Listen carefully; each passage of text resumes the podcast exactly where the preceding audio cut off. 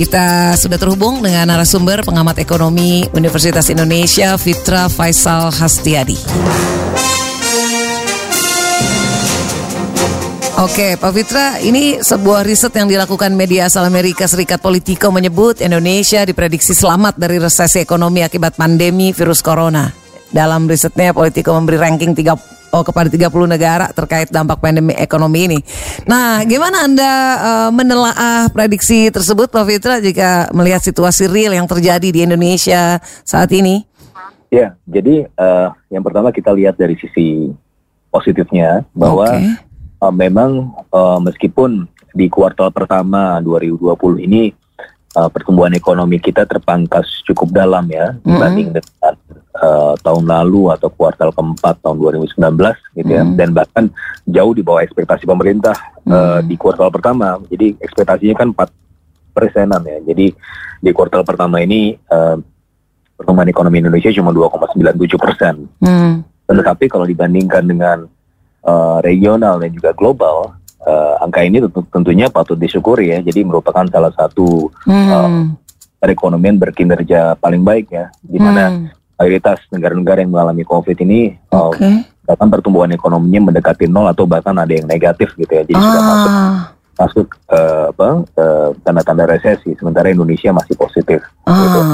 Okay. Tapi uh, yang betul kita waspadai gitu. Kalau misalnya kita melihatnya sebagai berita baik ya, yeah. tapi uh, tentunya kita juga harus tetap waspada karena hmm. uh, biarpun kuartal satu ini uh, kita lihat kemarin uh, COVID-19 ini baru ketahuan bulan Maret hmm. di Indonesia. Hmm. Artinya belum betul-betul uh, terefleksi di perekonomian. Hmm. kita lihat um, apa pergerakan dari orang-orang uh, yang terinfeksi COVID ini terus meningkat ya hmm. uh, dari bulan ke bulan.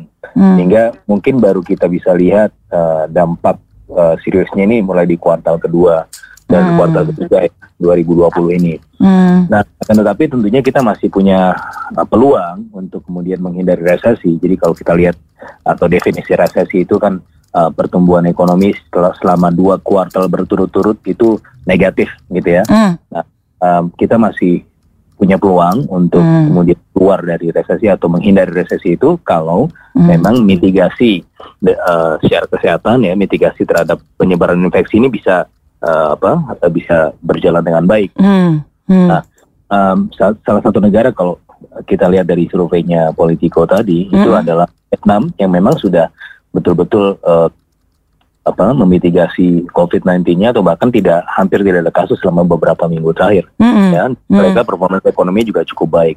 Itu.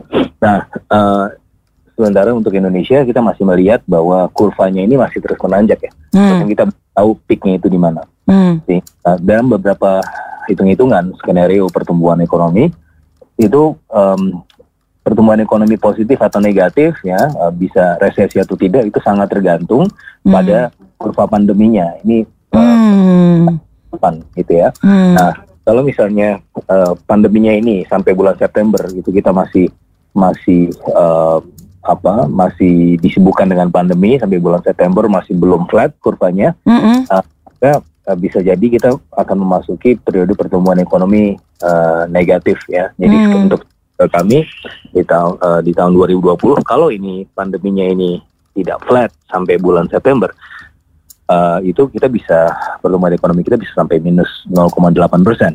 Hmm. Tapi kalau kita berhasil kemudian memitigasi ini dengan baik ya hmm. sampai bulan Juni atau Juli ya hmm. sampai nanti kalau bisa kita lihat kurvanya itu bisa lebih stabil mm-hmm. ya produksinya itu bisa lebih terkendali maka uh, apa sangat besar kemungkinan kita untuk uh, tumbuh positif ya meskipun tentunya uh, mm. tumbuh itu uh, masih jauh tentunya dari pada tahun 2019 jadi proyeksi mm. yang uh, most likely scenario di tahun 2020 ini mungkin kita tumbuh satu uh, persenan ya mm yang mana ini sebenarnya uh, kalau dibandingkan secara regional ini masih cukup baik ya karena hmm. uh, sekali lagi kita bisa terhindar dari resesi hmm. gitu nah tapi sekali lagi hmm. uh, sebagaimana laporan dari Politico tersebut, hmm. uh, selain menyajikan fakta bahwa Indonesia merupakan salah satu ekonomi berkinerja terbaik, hmm. tapi di sisi lain uh, di apa uh, polit, survei dari Politico tersebut juga menyebutkan bahwa uh, mitigasi atau penanganan kesehatan di Indonesia termasuk salah satu yang paling buruk, hmm. gitu ya. Sehingga ini kalau tidak diperbaiki bisa jadi menghambat peluang kita untuk kemudian menghindari resesi tadi. Hmm, itu rupanya. Karena ya. kalau dipandang dari satu sisi aja, uh, baik kita seolah-olah ini kabar gembira, tapi tadi anda menerangkan dari satu sisi-sisi yang lain, wah ini perlu banyak uh, upaya benar-benar serius ini berarti, bukan begitu pak? Betul betul. Jadi kalau kita lihat dari sisi positifnya ini sebagai modal modal modal yang sangat positif ya buat kita di mana negara-negara lain itu harus kemudian iya. uh, mengalami pertumbuhan ekonomi iya. negatif gitu okay. di awal. Uh. Kemudian, Menurut anda pemerintah merespons dengan baik uh, sehingga bisa uh, mitigasinya bisa tepat? Ya, kalau dari sisi tim ekonomi saya rasa uh, cukup baik ya dengan uh. uh, ya pakai-pakai stimulus ya dan keluar gitu ya. Um, tetapi mungkin PR dari tim ekonomi uh, adalah dari sisi kecepatan ke, uh, kecepatan eksekusinya karena memang oh, okay.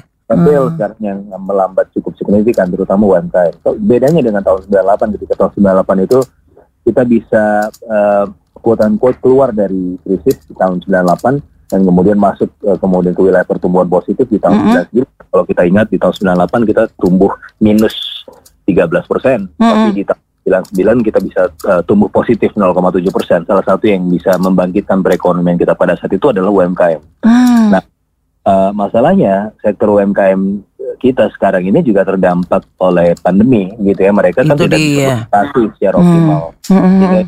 dan menjadi PR-nya uh, hmm. dan karenanya uh, dengan uh, apa uh, paradigma cash is king ya di jangka pendek ini, maka pemerintah harus betul-betul um, apa mempercepat ya eksekusi paket-paket polusnya terutama bagi UMKM dan hmm. juga bagi para aspiring middle class atau kelompok-kelompok yang rentan miskin gitu ya sehingga hmm. tidak-tidaknya um, apa dari sisi permintaan ya dari sisi demand atau dari sisi daya beli itu tidak terlalu hmm. banyak berkurang. Hmm. Demikian kita bisa melihat tanda-tanda yang sebenarnya cukup mengkhawatirkan hmm. di bulan uh, Mei dan hmm. juga April uh, di mana pada saat ini di dua bulan ini inflasi justru rendah gitu ya.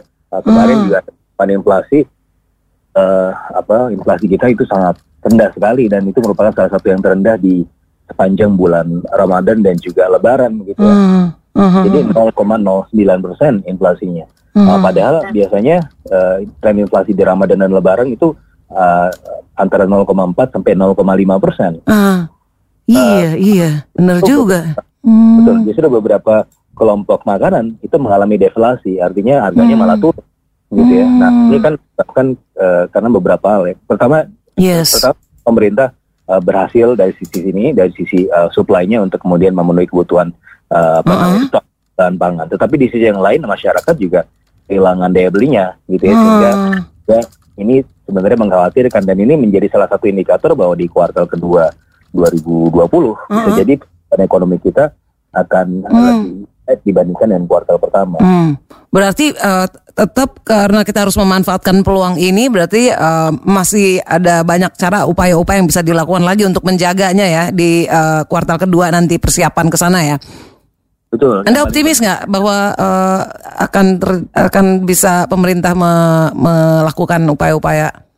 Ya, jadi yang paling penting adalah uh, kita bukan hanya melihatnya dari sisi kinerja tim ekonomi, okay. tapi juga kesehatan. Hmm. Ya, koordinasi, okay. kita bicara mengenai data driven policy, ya kebijakan-kebijakan yang di drive atau di di apa berdasarkan data gitu ya. Nah, hmm. masalahnya uh, kalau kita lihat dari data pandemi, ini kan masih mengkhawatirkan kita bahas, bahkan belum tahu peaknya kapan. Itu dia, itu dia. Tidak hmm. dengan baik.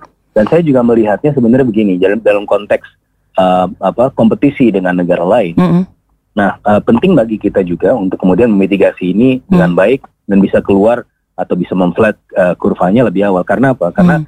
banyak negara-negara maju yang sekarang memilih untuk melakukan relokasi industri dari China ke tempat-tempat lain ya, karena mereka memang sudah kapok ya terlalu tergantung dengan China dan mereka pilih negara-negara uh, alternatif. Hmm. Dan ketika mereka memilih negara-negara alternatif ini, tentunya mereka memilih uh, negara-negara yang sudah selesai aman.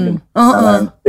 Dan dalam hal ini kalau iya. kita secara langsung di ASEAN, uh. Vietnam ada uh, saingan terberat iya. mereka sudah uh -uh. sudah selesai, gitu ya. Uh -uh. Maka, maka ketika kita membuka misalnya relaksasi ini terlalu awal, uh. ongkosnya adalah uh, ya tadi uh, ada second wave dan lain-lain sehingga kita bisa kehilangan uh, uh. apa potensi investasi uh. dari luar negeri di sisi yang lain kalau kita membukanya terlalu terlalu lama juga ongkos ekonomi juga besar hmm. semua itu tentunya harus berdasarkan data dan data itu adalah data pandemi bukan yang lain. Oke okay, oke okay. harusnya konsultasinya ke uh, epidemiolog ya. Tapi baik baik baik wah ini banyak PR. Wah terima kasih banyak nih sudah menjelaskan pada kami tentang hal ini nambah perspektif wawasan kita. Terima kasih banyak Pak Fitra Faisal. Sama-sama Mbak Nadia. Sampai jumpa. Demikian Mitra Idola, pengamat ekonomi Universitas Indonesia, Fitra Faisal Hastiadi.